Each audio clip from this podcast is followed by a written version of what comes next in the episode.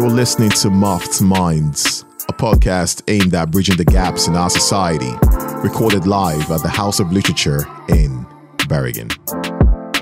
Good evening, everybody. Welcome to this special edition of Meeting of the Minds. Uh, I still go by the name of Dorian's Grave and um, kind of out of practice. Um, in the room tonight, we have an amazing uh, lady who I had the pleasure of hanging out with earlier today, and she's just a ball to hang out with. And I all of a sudden found myself confessing so many secrets.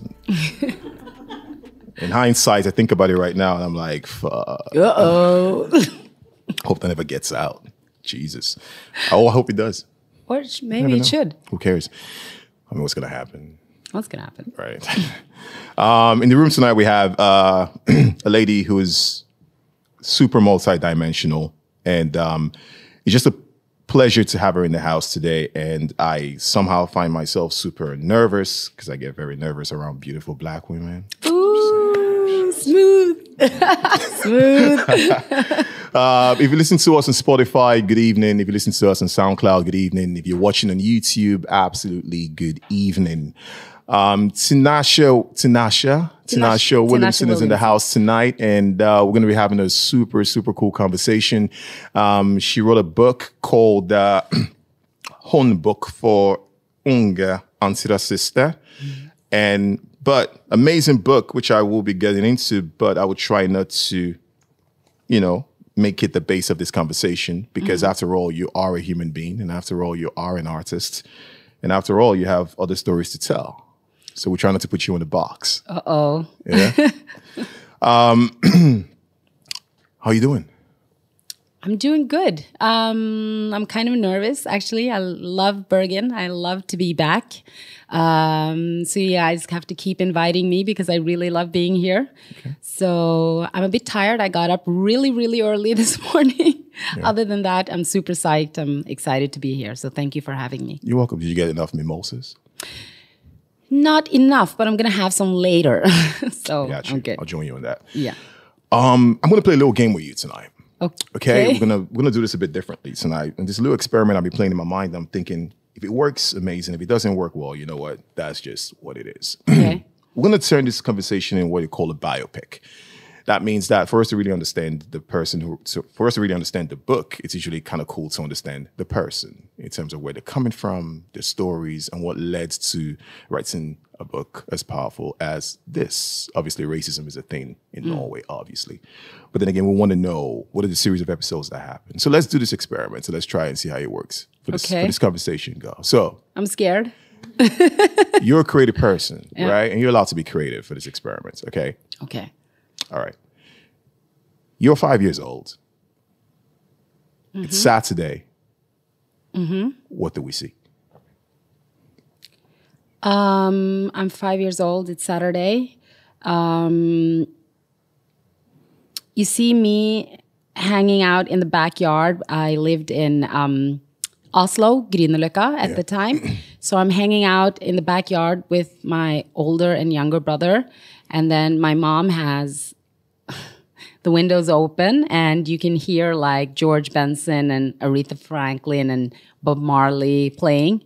Um, that's just that's that's just like the immediate thought. And actually, I thought of this time when my brother found like a dead bird in the backyard, and that fr- that freaked me out so bad. Uh, because there were like lots of worms like crawling out of that bird, and I just can't get that picture out of my mind. Like, so every time I think about that backyard, I think about like him tricking me into seeing that fucking bird that traumatized me.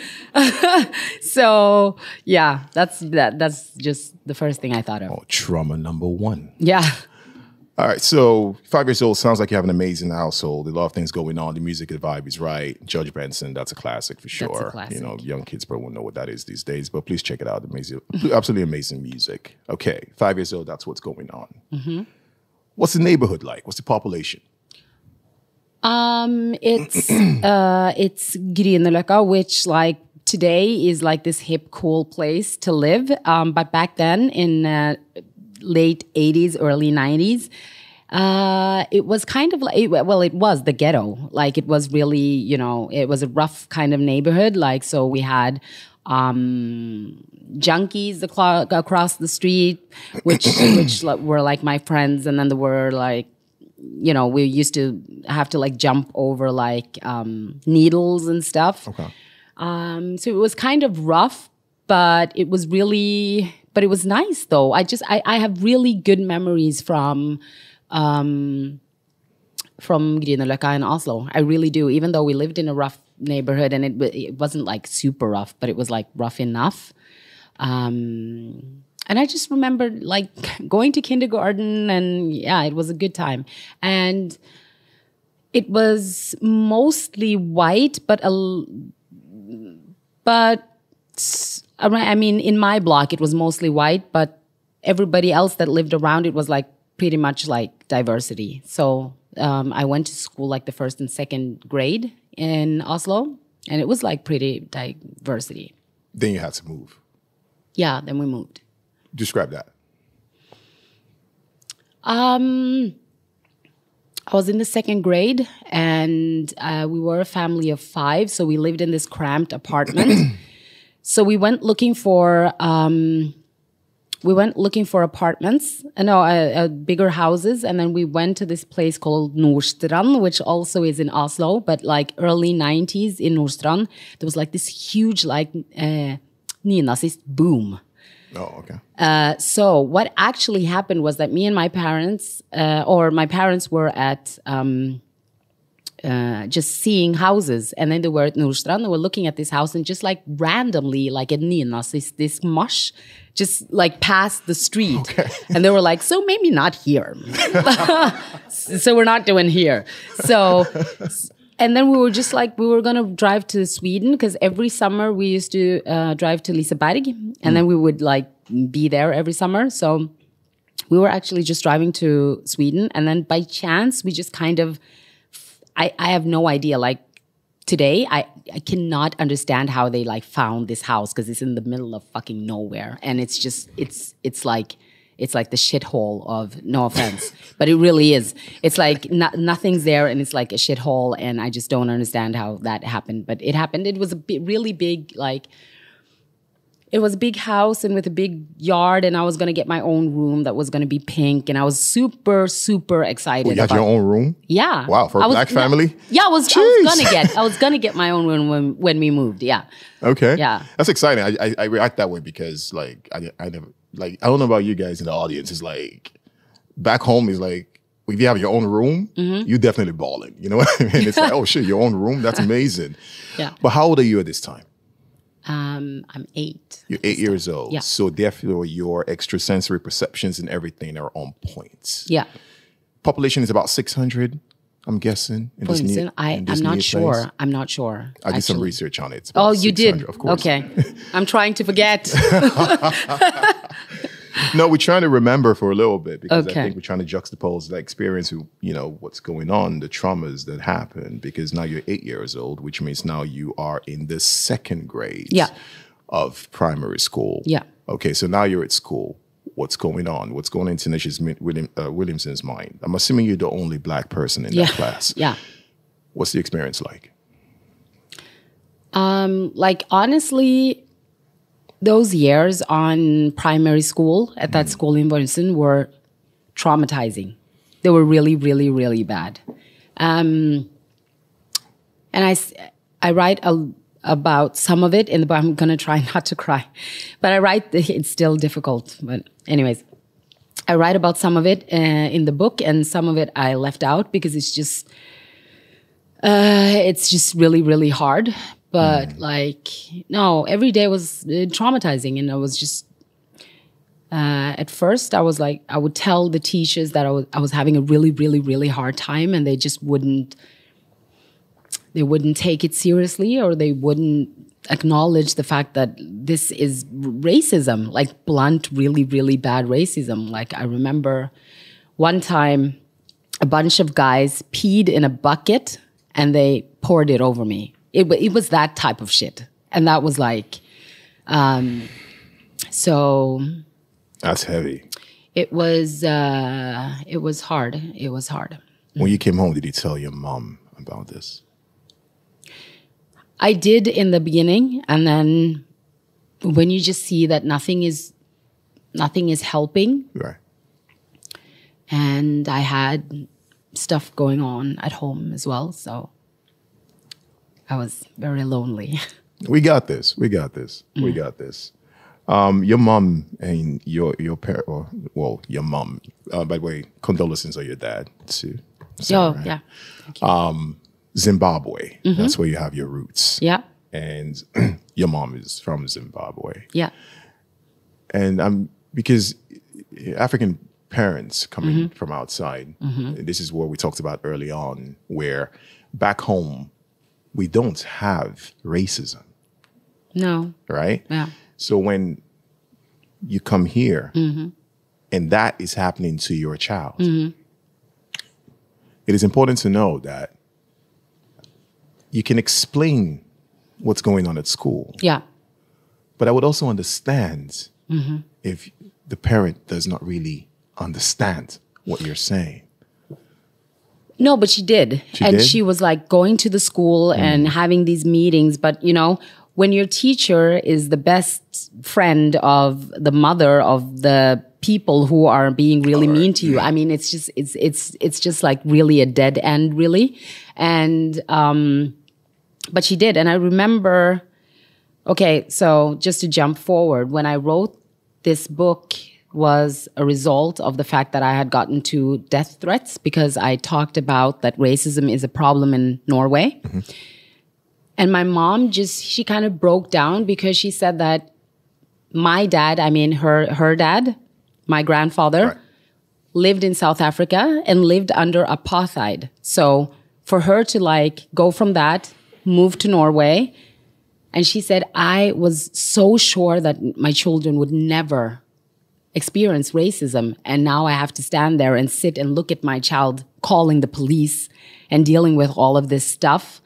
That was really hard for her because she thought really, she really, really thought that when we move to Norway, Things are gonna like change. and things are going to change and uh, we won't have to deal with this uh, stuff. So that was like hard on her. I can imagine this is obviously harder on you since you're the one who's experiencing Yeah. those nasty things. And you're eight years old, second grade, Mm-hmm. stuff horrific as that is happening. I'm assuming it's messing with your self confidence. I didn't have any. I just, I just, I just didn't have any. So it's, it's weird to say that I lost self confidence because I just never had it. Um, and that's what I'm trying to do also with this book and with being so public is to give those kids that confidence from within that your skin is beautiful, your hair is beautiful, the way you look is beautiful, uh, you have worth. Don't let anybody tell you anything else. I didn't have that coming from home and I definitely didn't have it at school. So I just like, I never had it. So um, I still struggle with it. I still work with it to this day. If we reverse the times now and go back to, let's say, okay, you're eight years old, that's happening. If we Mm. kick forward a bit and say you're 14, what's going through your mind then? Because now you are in Undom school, eh? Yeah, I'm in middle middle school, Middle right? school. Yeah. junior Um, high, something. 14 um I, I I started having like a little bit of a better time when I was wh- when I was at uh, middle school Right. Because I just figured out that this is just a side note. I was like so ugly growing up. No, but like really, I was like, I was so ugly until I was like 16 years old. So I like had this notion in my head that um, I need to be smart and funny. Right. So in middle class, I just in middle school, I kind of like started playing around with just being funny, and I just used to I just used to kid around a lot. So fourteen, I'm just kind of uh, trying to figure out like how I'm going to navigate Yeah. really this life, and I was just uh, trying to heal from middle no from barneskolen Primary school. primary school. And uh, I was just kind of trying to figure out. And also, I, at 14, I cut I cut my because it was really cool with bangs. at the time, and all the girls were having bangs, and I was like, why can't I have bangs? and they were like kind of short bangs, so I like cut my hair in like a short bang, and I had an afro, and that was just you can imagine Didn't work out So- so well. No. you know. You didn't- And I felt like primary school was traumatizing. Try me coming to school with an afro that I cut by myself. That was interesting. But yeah. Did you ever try to straighten your hair? Yes. Yes. I was doing the whole relaxer thing from like last years of primary school and then all the way up till um a long time, all the way up till I was just before I got pregnant, really. Oh, okay. Yeah. The reason I'm asking is because in, in your book you wrote about representation. Yeah. And how representation is super important. And obviously, I don't have any hair. I used to have this beautiful afro, but then it disappeared. My kids, Time, my time. kids, my kids stole them. um, the reason I asked that question, and I want to actually, I'm trying to lend credence to the concept of, or not concept, but the nuance of representation because I'm imagining that in Norway, um, people of color, African women, they hmm. go out to go fix their hair, right? Hmm. And it's kind of weird how you're, you know, you know, black hair is, you know, hmm. it's a thing. It's, it takes some kind of care. And you go out and you don't see any beauty salons or hair salons that can fix No. you know, African hair. Every time you walk in there, you're like, hey, can I fix my hair? No, beklager, be your ikke sant hår. No. You know, like, and I'm like, But it was also but it was also the fact that I mean like everything that was presented to me as beauty was like the complete opposite of what I was like I grew up only playing with white dolls because that was the only thing that that was available. Nobody looked like me on TV. Nobody looked at looked like me in in in, in books. I I was just like non-existent. So um, I just tried to do the little I could do to like kind of try to fit in. And if it was like straightening my hair or presenting myself as Tina instead of Tinashe, that's what I would do. And I did that for a long time. Yeah. wow. Obviously, I'm, I'm aware of racism now, um, but I feel like I learn more about it every single day. I mean, I'm from Nigeria, and w- we never grew up with with these things. You know, so when we come here, I hear people talk about it, and I'm like, "What is that? Mm. What's going on?" I remember once uh, someone used the N word on me one mm. time, and even then, I still didn't understand what they were talking about. I was like, "What are you saying? Mm. You know, what does that even mean?" We don't even say that back home. Do you know what is like a kind of one thing that I am like so ashamed of, and it's like difficult to say even, but I want to be honest and say is that I know that I have been a part of the problem. I know that I have been a part of the racist problem because with so many years of racism, I believed what everybody was telling me Okay. that was that was like I believed that as a truth that I was less. Oh. I believed that you could kid about like this and that and that. I believed that. So when people would say nasty things about like immigrants or black people or something, I could find myself like laughing with because I like kind of I surrendered to mm. that that is true because I didn't have any self-worth. Mm. That's why I think it's so important to give our children or give children in general that kind of self-worth from the beginning so that they can go out in the world and know that it's not true because it it, it, it would eat inside of me to hear these jokes and just like because I believed it. I believed it to be true. So and by me doing that, I was a part of the problem because I didn't stick up for what was right. I didn't I didn't say that you can't say that. Mm. And if I and, and and if I didn't do that, how was that suppo- person supposed to know that that is not cool? And you're absolutely right. So I'm, I'm not going to leave you hanging because I actually was the same. Yeah. Right. Before I didn't even like I didn't understand the repercussions of these things and how serious and how heavy it was. Mm. I didn't even know there was an ongoing battle of sorts. This is a long mm. time ago, mm. obviously. But later somehow something changed. So let me ask you, what changed? So what At what point did you start saying, you know what, I'm going to stand up for myself. I'm going to say what's right, and this is it. Do you know what? It was um, the day I found out I was pregnant with my oldest daughter. I panicked. I really panicked because I felt like I had not done my part Right. in trying to make it better for her when she came.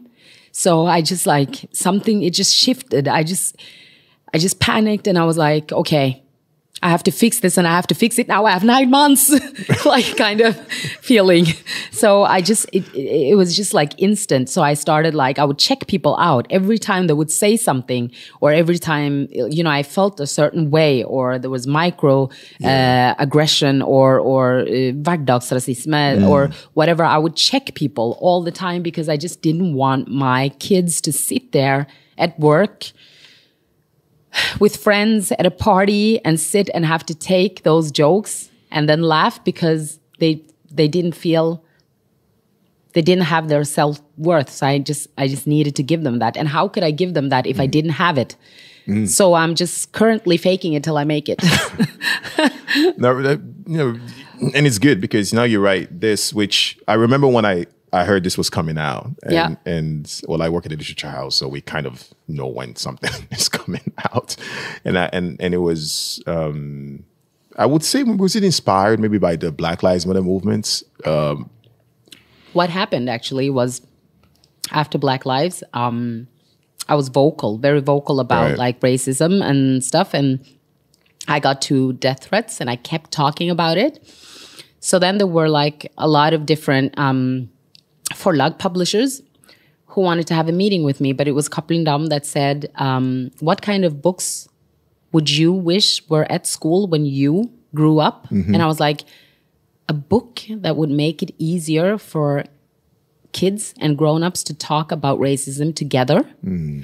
Um, a book that that could give these kids a, a vocabulary to talk about what it is that they're um, experiencing but even most important to show the kids that don't feel racism what it's like.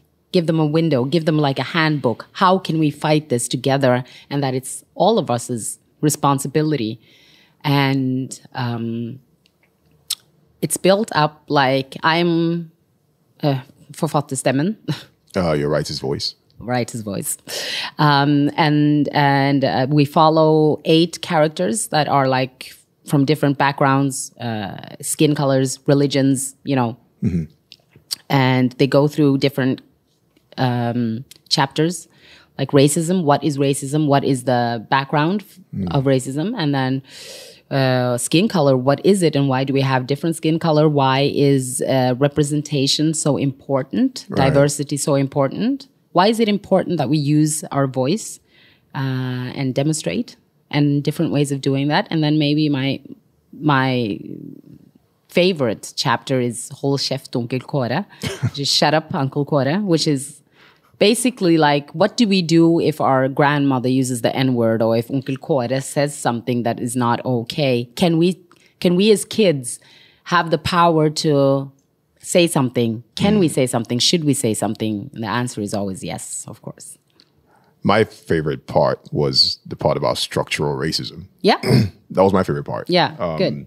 because I, of course, I know what structural racism is, but Mm. I was so happy when I got to read it um, the way because you use a lot of analogies here, which I really enjoyed. And they were so simplistic too, but they kind of hit the nail on the head. and I can yeah, go on to say, oh yeah, for sure. And I was go on to say that even though I know it's it's a book for kids at school, but I can guarantee you this: you'll need to check it out. Uh, this is not a promotion or anything. Like, No, no, because because it's it, it, it simplifies the explanations. And it was so refreshing because sometimes you see master's students or PhD students or people who've studied this. Hmm. And what really crawls under my skin is when you try to break racism down to something empirical. Hmm.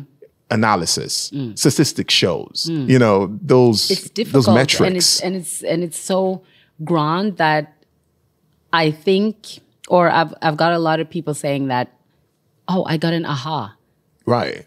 Which is what I, I was got, I was sure. trying to uh, I was trying to um explain to somebody what white privilege is like like narrow it down or go? what structural racism is. And I just couldn't find the words. And then I read it in like this kid's book. This kid's book is actually for, honestly, just as much for grown-ups as it is for kids. But like I I, wanted kids, I, I wanted to shorten the gap because you always hear like, oh, but they're from another time. We have to like, we, Mm. we have to like just it's okay that they think that way. And then you have our woke kids. And I just wanted to shorten that gap that we come closer. It's amazing. I, I probably someone in your subconscious when you were writing this, you were probably writing this for no offense, grown up Norwegian or white people. Um, no offense. what I mean is, um, there's a lot of people who go around saying, "Oh, they finns ingen rasism i Norge," you know, that bullshit. And every time I hear that, it's like, how ignorant are you? And I, I'm sorry, I know I'm a bit blunt. I get No, no, it, no, but it's out of frustration too. But I think also that uh, if you say that, there's only two. Uh, there's only two uh, alternatives to why you would say that. One, right. you don't want to see it. Two, you have no people of color in your in your near you know because of course if you live over there and you only have white friends and you have a white family and you only know white people you're it's easy for you to say there's no racism in Norway. Where would you see it? Right. where would you see it? Or you don't want to see it. And then my second question is why not? Why not? People like to run away from the truth, and no one likes to feel uncomfortable, especially here in Norway. I know, but uncomfortable doesn't necessarily have to mean. Um, sometimes uncomfortable is good. I'm not defending. Trust me. Yeah. However, however, Mm-hmm. we Handbook for unga antirasister. Yes, great book. Um, two things. Mm-hmm. Number one is um, after the Black Lives Matter movement, all of a sudden, a lot of people became anti-racist. Did they? Yeah, there are people Mm-hmm. would, like someone would see me and say, "Hey, I love Bob Marley," and I'm like, "Bruh, like." Right. like, as in, like, okay, cool. you know, uh, I like Tupac Shakur. I'm not racist. I'm like, okay, you know, and, and it's like that. That's it. And and and that scared me. The actually really really scared me because what you find was an analogy, or no, sorry, something else that came up, which is called the anti-racist racism. Which is something I've been thinking about for a very long time, where someone, like you said, maybe they're they, they adopted someone from a different country and all of a sudden they feel the need to defend and say, no, no, no, but my cousin over there is from this, or this mm. one over there is from this. Mm-hmm. Oh, no, no, no, we never, I could never do that. I just read an article that said, I am woke now, I'm sorry. I find that such people we meet on a long enough timeline, even though they're trying to change, which I definitely go for, tend to show cracks of racism without them being aware of it. Absolutely. And that's why I think it's, we, we cannot change what we don't acknowledge. True. First step is to really, really check your own bias, check your Yeah. own um, holding it. You can only change what you actually, uh, and I think it's time to have like honest conversations with yourself and and kind of like check yourself. We're all going to fail in some kind of way or stumble uh, along the way. I think the most important thing that we do uh, is want change and want to be a better version of ourselves and also um, fight to be anti-racist. I, I, I, I, I mean like racism is allowed to grow and exist where anti-racism, anti-racism is not. And I believe it's so simple, really. We need to be active anti-racists and that's what I will fight for to my last breathing breath. and more greed, more more more power to your elbow. However, I do have to play the role of a devil's advocate. Okay. Um, Uh oh. I have to. Okay. I have to. I have to explore all dimensions of this. I have to explore it. Now, yes, I've said what I said about uh, Caucasians or white people or whatever trying to say, okay, you know what, we're not racist at all. We love everybody. All lives matter, which is like the That's the That's like the dumbest, dumbest thing I've ever. heard in Nah, nah, nah. no, but we're not we're not gonna we're not gonna Okay. go too much into that. And yes, I do sympathize, and yes, I do agree that some people actually are generally good people. Not everybody's a racist. Not everybody. No, no, no, no. The same way, not everyone who has been subjected to racism is a good person. Absolutely not. But I just don't see the relevance, really. What I meant was that going back to what I said about being African, coming mm-hmm. from, which I am very proud of. I would never change that for anybody or anything, definitely. When you're born there, mm. there's this discipline that's instilled in a person. The idea of communication, the idea of being with people, the idea of respecting one another, hmm. that's boundaries, respect that. And you come here, it gives you this thick skin of sorts. You can Yeah. fend off anything, it doesn't matter. And of course, when you're born here, that's a whole different story. You're fighting a different kind of battle, which I probably would never understand, but I would hmm. sympathize with. However, however, what I'm trying to say is, should we be careful with playing the role of the victim sometimes? What that means is just because you've been subjected to racism, mm-hmm. and not you, of course, I'm talking in general. Yeah. Just because a person has been subjected to racism, does that automatically, yes, you're a victim of racism. I've been a victim of racism, but do we need to stay there? Absolutely not. But I don't. Uh, no, absolutely not. I don't think. I, I don't think addressing racism means that you are um, a victim or that you're s- is staying stuck in like kind of a, a victim kind of place. I think it's just addressing fucking racism. Okay. I mean, and that you're and that you're. Um, I think it is our job to address this these things Absolutely. and and and like be pissed off about it.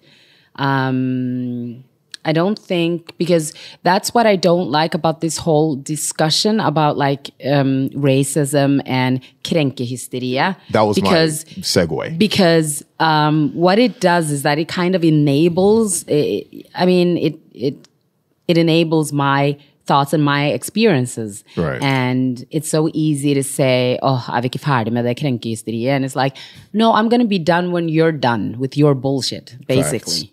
which is almost never. that that goes on to something called microaggressions, Mm-hmm. which is not like you, you described it very well, guys. I'm serious. I I don't hype shit up. Those who know me know that. Uh, but I'm gonna hype this one definitely. Uh, I'm gonna hype this. Uh, this is really really important because your your the examples you use to explain these things are Mm. insane. I was like, damn, I never thought about that. Like, how did I Oh, miss that? Like, how the fuck did I Oh, miss that? And I tend to overthink a lot of things. Yeah. Sorry. um, you talked about how when somebody says, oh, vad heter det? And uh, vardagsrasism. vardagsrasism. Um, you can say it one time. It's not really not going to hurt you. You know, you, Mm-hmm. No. can, like, you can keep No. moving, whatever. Yeah. You, it feels like raindrops. That's what I say in the book that I mean, vardagsrasism can be um, described as raindrops because you don't get wet from one raindrop. But if you get many, you know, one one day in your in my life can be um, so many raindrops that and and uh, you know your whole life. Right. you It's don't get wet by one. But when you get many that's why it's problematic if somebody automatically thinks that i don't speak norwegian or automatically um you know We can show we can show the clip right now. Oh and and see how that works. show a clip it's a clip from uh, nrk's uh, series Barnamin. have you all watched it You tell me the volume. Oh, there's no sound. So she speaks automatically Norwegian to the guy in front, um, but then switches over to English with Odile. And she's just, she just doesn't say anything, right? Um, and we've all been in that situation too, when you just, you just don't feel like it. Not today. And then, of course, Zoe comes and she's pissed off. she's done. Yeah. But that is also like a classic example of like this micro, um, alltså vardagsrasism. A raindrop. Yeah, a raindrop. That's a raindrop. And you can even see in Odil's face, even though she doesn't say anything, you see the hurt. You see that she's like, um, that it's difficult, and it is. And she's probably exhausted and She's tired of it. exhausted. And people go through these things every day in Every our day. lives. It's just microaggressions. Um, if you're a group of black people in the space, oh, don't be too loud. You know, you know, black people are too loud. Or Mm-hmm. oh, you're Chinese. Can you solve this mathematical problem for us? Like, I know. You're assuming that. I know. you know. And I addressed that actually in the book where, um, because the, one of the characters asked, like, but are the stereotypes so bad? I mean, like, is it so bad to say that you probably are really good at dancing because you're black or you're Right. pretty good at math because you're Chinese or you're, do you know what I mean? Is it so bad? Because I'm just saying positive things. And then I try to explain that, yes, that is regardless if it's a positive or negative thing, you can't say anything about me or my uh, skills Based um, on how I look. based on how I look. I can't work for shit. and I'm black. So, so you can't really, I mean, it's just important that we don't, I was just trying to picture you, but don't. It's so it's bad. It's horrible. so bad. Yeah, no, Yeah. We're not we're not gonna do that. That Yeah. um, writing a book like this, you definitely you might be facing uh, censorship and prejudice. Um, Mm-hmm. But did you say, you know what, I'm going to write this exactly how I need to write this? Yes, I did. Um, I did. and I had to, there's uh, a couple of things I left out because it is a kid's book. So, um, a kind of things that are a bit scary or a bit, um, just a little bit too difficult for the audience I wanted to reach. So, but uh, other than that, I really, really wrote what I wanted to write. I really wrote the book I, I wish was at school Right. when I grew up. I really did that. And I just kept that as like the DNA for this book and this project. I really kept going back. If I was unsure of something, I would be like, oh, would I wish that that was in that book? Yes. If it's yes, yes, we're doing it no matter what uh, anybody says. If it's no, it's, it wasn't that important, then I'll just take it away. But I really, I really made that book and hopefully it's weird because I made a book that I hope nobody will read in a couple of years. And not because we don't care anymore, but because um, we actually did something about this and it's not a problem anymore. So it's weird writing a book that you wish nobody. I hope it's just like stöver bort in a library somewhere in just a How couple of years. How much time do you think that would take? honestly, I, I'm really hopeful for the future, and um, but I don't think that this book will be uh, stövet ned in any time soon. Unfortunately, however, Okay. however, Okay. the next generation and also that's why i made a book for the next generation to give like stafettpinnen videre The baton. the kids the kids are all right. And if we do the work we're supposed to do mm-hmm. and we should do right now if everybody is like is doing the work i'm pretty sure like our kids or the kids that come everybody all the people that come after us is gonna see the work that we did right now. So we can we we we can change history like right now if we if we all are on board Here comes the curveball question. Oh, the curveball question. Okay, I, I, he's I- killing my. vi- I was I was like on a roll. I, was, I was thinking, okay, so thank you. I guess you- not. You get another shot. You get Okay, another shot that. okay, here comes the curveball question. And, and, and I, I told her prior to this conversation there was going to be one curveball question. There has to be a curveball question. Okay. Um, and because I forever sometimes have to play the role of a devil's advocate. yeah, drink it up. Yep. so I have so I have three kids. Yeah. And uh, wow, I have three kids. Jesus. Three. So greedy. don't have time. Gotta get it done. um, so curveball question. Curveball question is this. Um, Yeah. So, do you worry sometimes in as much as I do appreciate this book, which I really, really, really, really do. however, however, however, do you worry sometimes that in some weird random parallel universe or maybe unparalleled universe that there might be some repercussions to it. In the sense that say a kid doesn't know anything about racism but is living their best life. Mm-hmm. And no one has interfered or no one has commented on the color of their skin. No one has done anything crazy. No one has commented or did anything out of you know i mean now i'm thinking about my daughter mm-hmm. mostly. When i say these things i usually think about she's eight years old or turns eight. And what if what if she picks up the book? Mm-hmm. And all of a sudden she's aware. And ignorance is bliss mm-hmm. right? And all of a sudden she's aware of it. And then let's say her friend who's white he picks up the book too. And then all of a sudden maybe he sees her and says uh ah dude you know they might say something like oh are you okay? You know like, you know that that mm-hmm. pity thing which is kind of annoying. Mm-hmm. And all of a sudden she's aware of it. Mm-hmm. I don't know i think that's going to break my heart. Even though i know she, I, I want her to read the book i want her to i want her to. But i somewhere deep down i'm also scared. As a parent um, which is also uh, a kind of ethical and moral uh, conversation I had to have with myself before I made this. However, um, I can speak for my. I'm going to speak for myself first. Right. Uh, the first time I felt that I was different or something was wrong with my skin color or somebody told me something or somebody said something to me, I was three years old. I was four years old. I was five years old. That was in the kindergarten.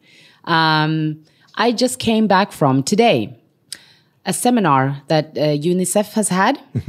They have done a report uh, with kids all over the country and with a lot of questions, with a lot of stuff. One of the questions that they got was when was the first time you were aware or you or you heard something racist or you were aware that you're sca- or or something that has to do with that the average eh, average age of that was 5 years old.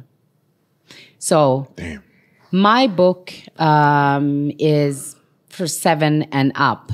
Learning that, I got really happy actually, even though I've had like these battles with my head. Like, what if I'm actually telling people, like, here, be racist? Right. Do you know what I mean? that's what I'm or, say. or here, talk That. talk about talk about like the difference between uh, people. But I don't think we should underestimate kids and how early they know things, they feel things, they look different. I think like for the people of color in this uh, audience, I don't think you guys were 10 before you had to like deal with these questions or or these feelings. should we have them put their hands up maybe should we do a poll Yeah, let's do a poll. all right People of color, um, were you when was the first time you, you encountered something, Something. or you felt different or we can't do a poll can't do a poll. asking like that. What, are we, what are we gonna say? We're gonna say like were you five? Mm? were you six? No, I mean, we have on. to say we have to say like okay were you were you were you uh, eight or younger? Or were hands up Let's hands up if you were eight or younger. Well how about that? So your curveball huh. fuck you fuck your curveball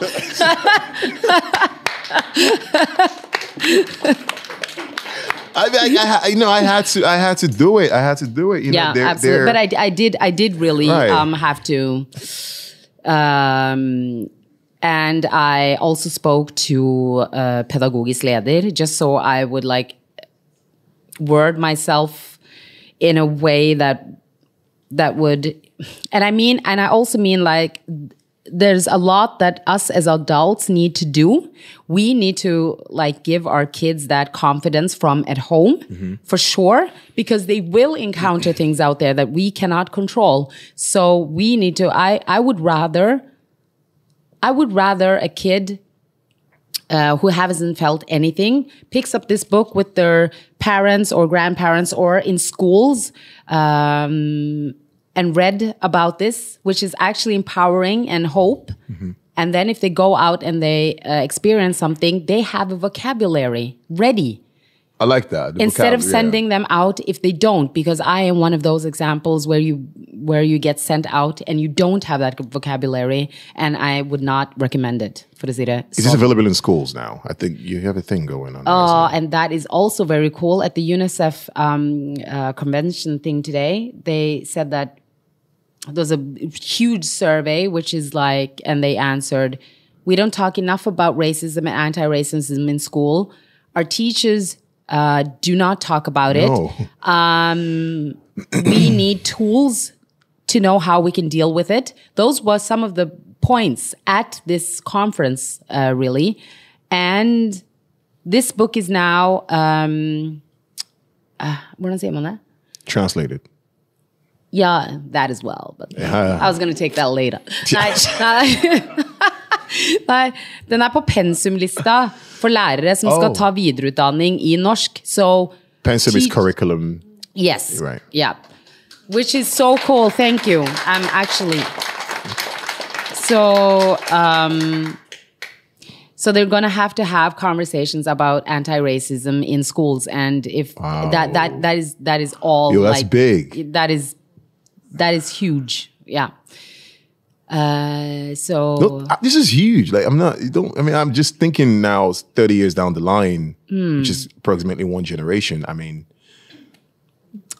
you might have single-handedly done something. not single-handedly, but Right. but but I'm um, I very very seldom say this about myself because I just it's just not in my vocabulary and it's never been. But that that that they're gonna have to talk about these things in the classroom, I'm really proud of that. Yeah.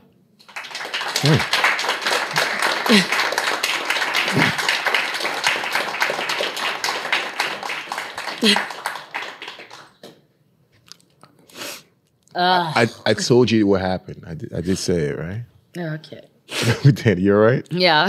yeah. I'm fine. okay.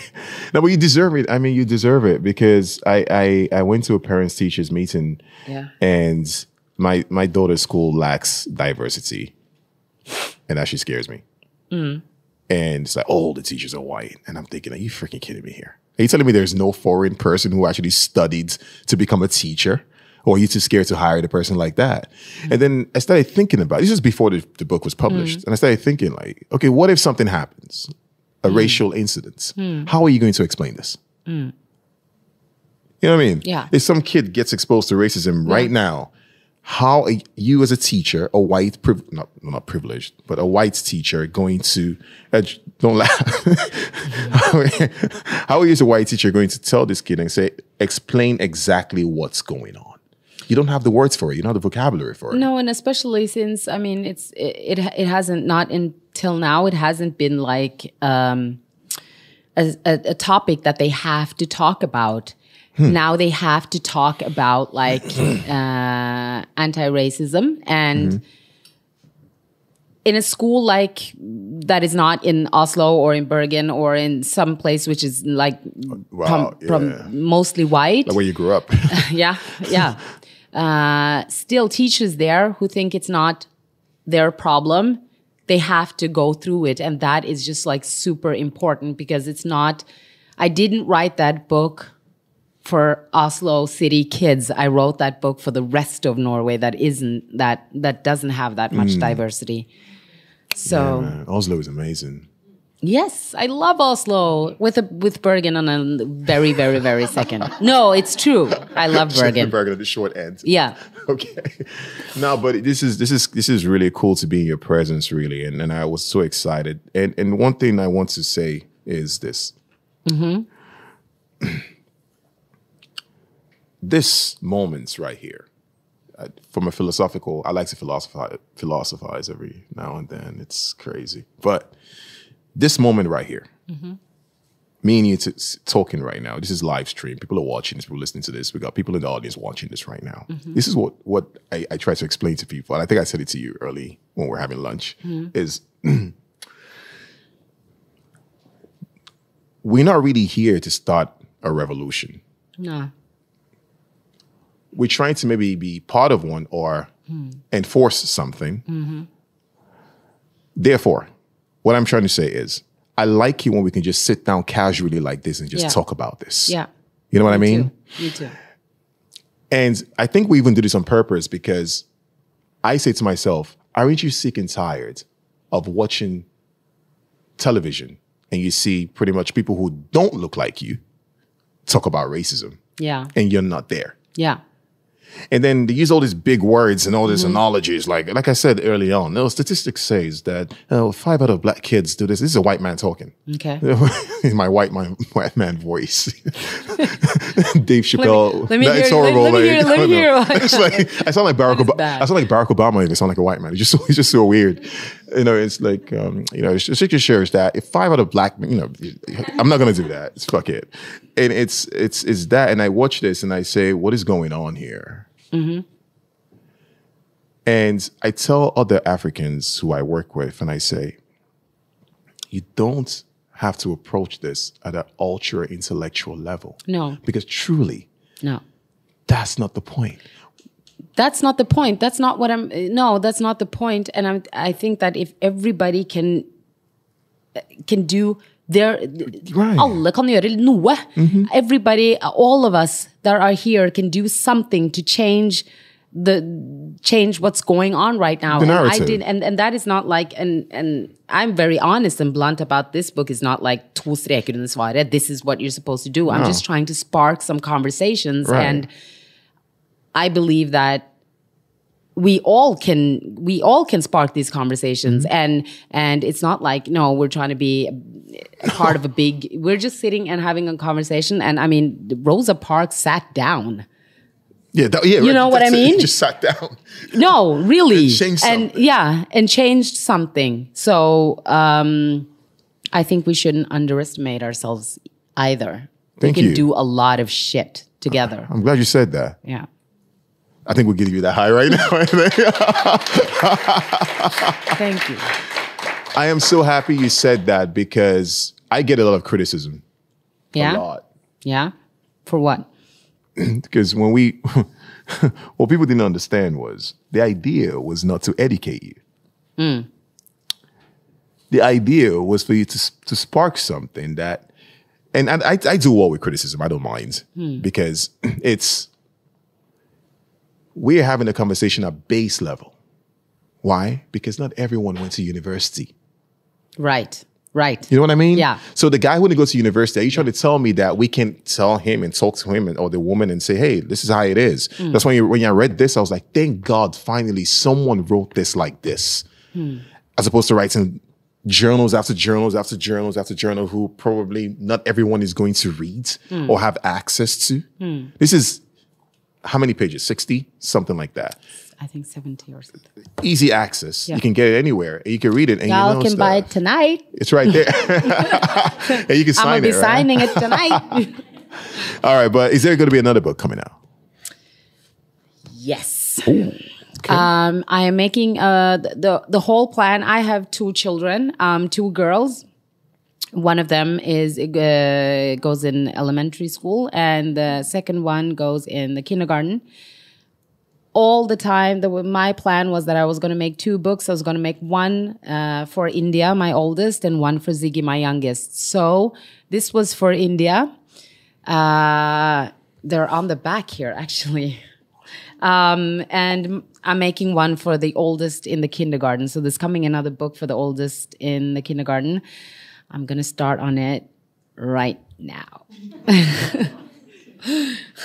My publisher was like, "Wasn't that two weeks ago?" I was like, "Yeah." Are you, are you No, on the, but are you I'm- on the I'm- clock? Huh? Are you on the clock?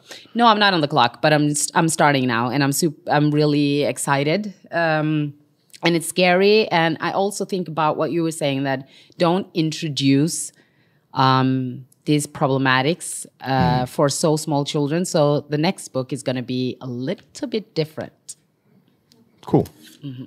Then my older daughter. But still, will read it. but yeah, But I think it's amazing. the adults are going to get it, and the youngest will just see it as a story. But like it will spark, for, hopefully, hopefully Mm-hmm. spark some yeah, good conversations. You said something about how you left a couple of um, dark things out. Yeah. things- Do we get an addition for maybe adults that you actually go for it? Oh my gosh. Um, I don't know. I, I don't know if I have like the confidence really, uh, to be honest, to uh, write for uh, adults. And I and and I, and I think maybe I just wanted to put in the work where I thought I could do the most. I think I can do the most by talking to. I mean, trying to educate like kids and adults to talk and do these things together. I just don't think um, my sloppy story is if, is going to be you know interesting for adults. All right, where's where's Tinashe Williams in five years? Where's Tinashe in five years? Wow. Uh, over 40. so that's that. Uh, I don't know. I think I'm going to be, uh, as you gentlemanly like pointed out to me earlier. I was like, I'm 37. He was like, Oh, you're almost 40. I was like, Yeah. you did say that. You did say that, and I'm going to call you out. That's my curveball.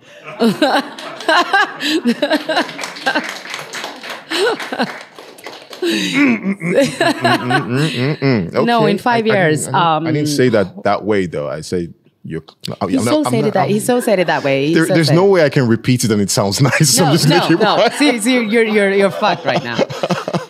No, in five years, I hope I'm still, or I hope I'm not still working with this and fighting this, but most likely I still will be. I am going to try to be the voice of um, uh, representation Yeah.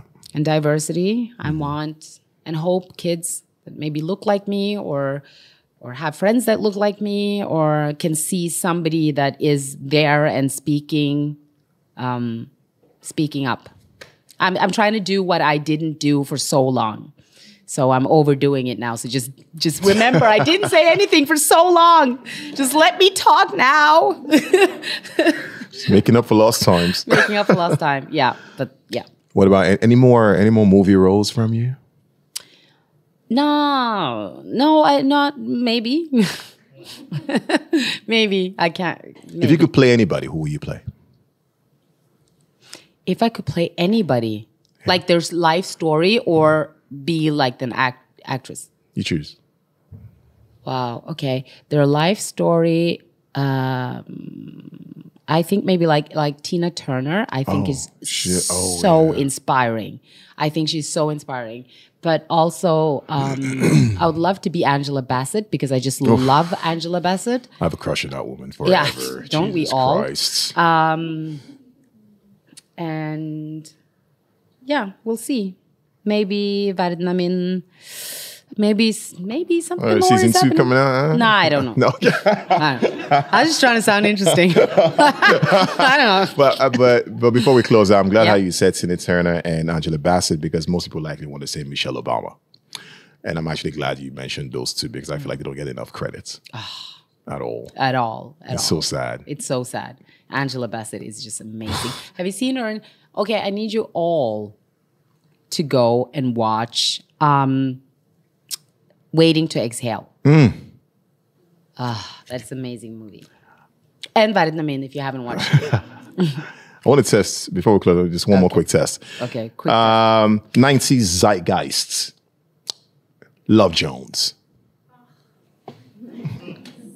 what? Curveball. No, just kidding. You curveballed me. Check out Love Jones. Okay, okay, I will. I will. Everybody, please, if you have the time, check out Love Jones. And I'm glad you had that.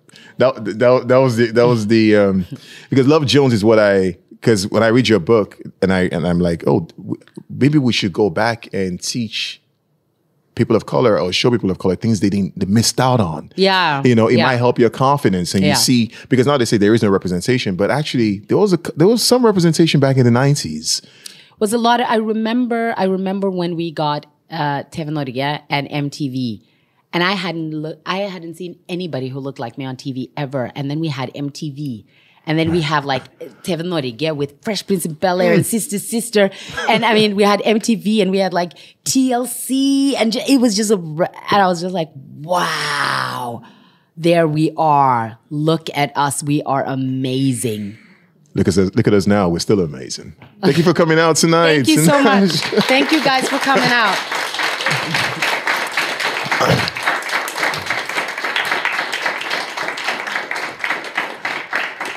Uh, thank you for watching this episode of Muff Minds, everybody. It's good to be back. Uh, it's good to be back on this bicycle doing my thing and uh, still out of practice, but we'll get there. Um, shout out to people for watching. Shout out to everyone in the crowd. It's amazing to see so many people turn up on a Thursday night. Mm-hmm. Um, each one teach one. Um, that's the motto I try to go with. Uh, no one is better than anybody else. No one is smarter than anybody else. We're always just trying to make sense of it all. Um, no one can stand and say, "Oh no, we should talk about this. No, we should talk about that." Well, you know what? You have a living room. Call your friends. Have that conversation. it's all good. No one's stopping you. Uh, I think there's the things that stop us sometimes where we tend to that's you just pointing fingers that are pointing back at you without you even knowing about it. But anyways, uh, thank you for listening to this episode of Moth Minds, uh, Spotify, SoundCloud, Pod, Viewership, and we will see you in a bit. Have a Bye-bye. good night, everybody. This Meeting of the Mind podcast is brought to you by Slam Poetry Bergen in conjunction and collaboration with the House of Literature in Bergen.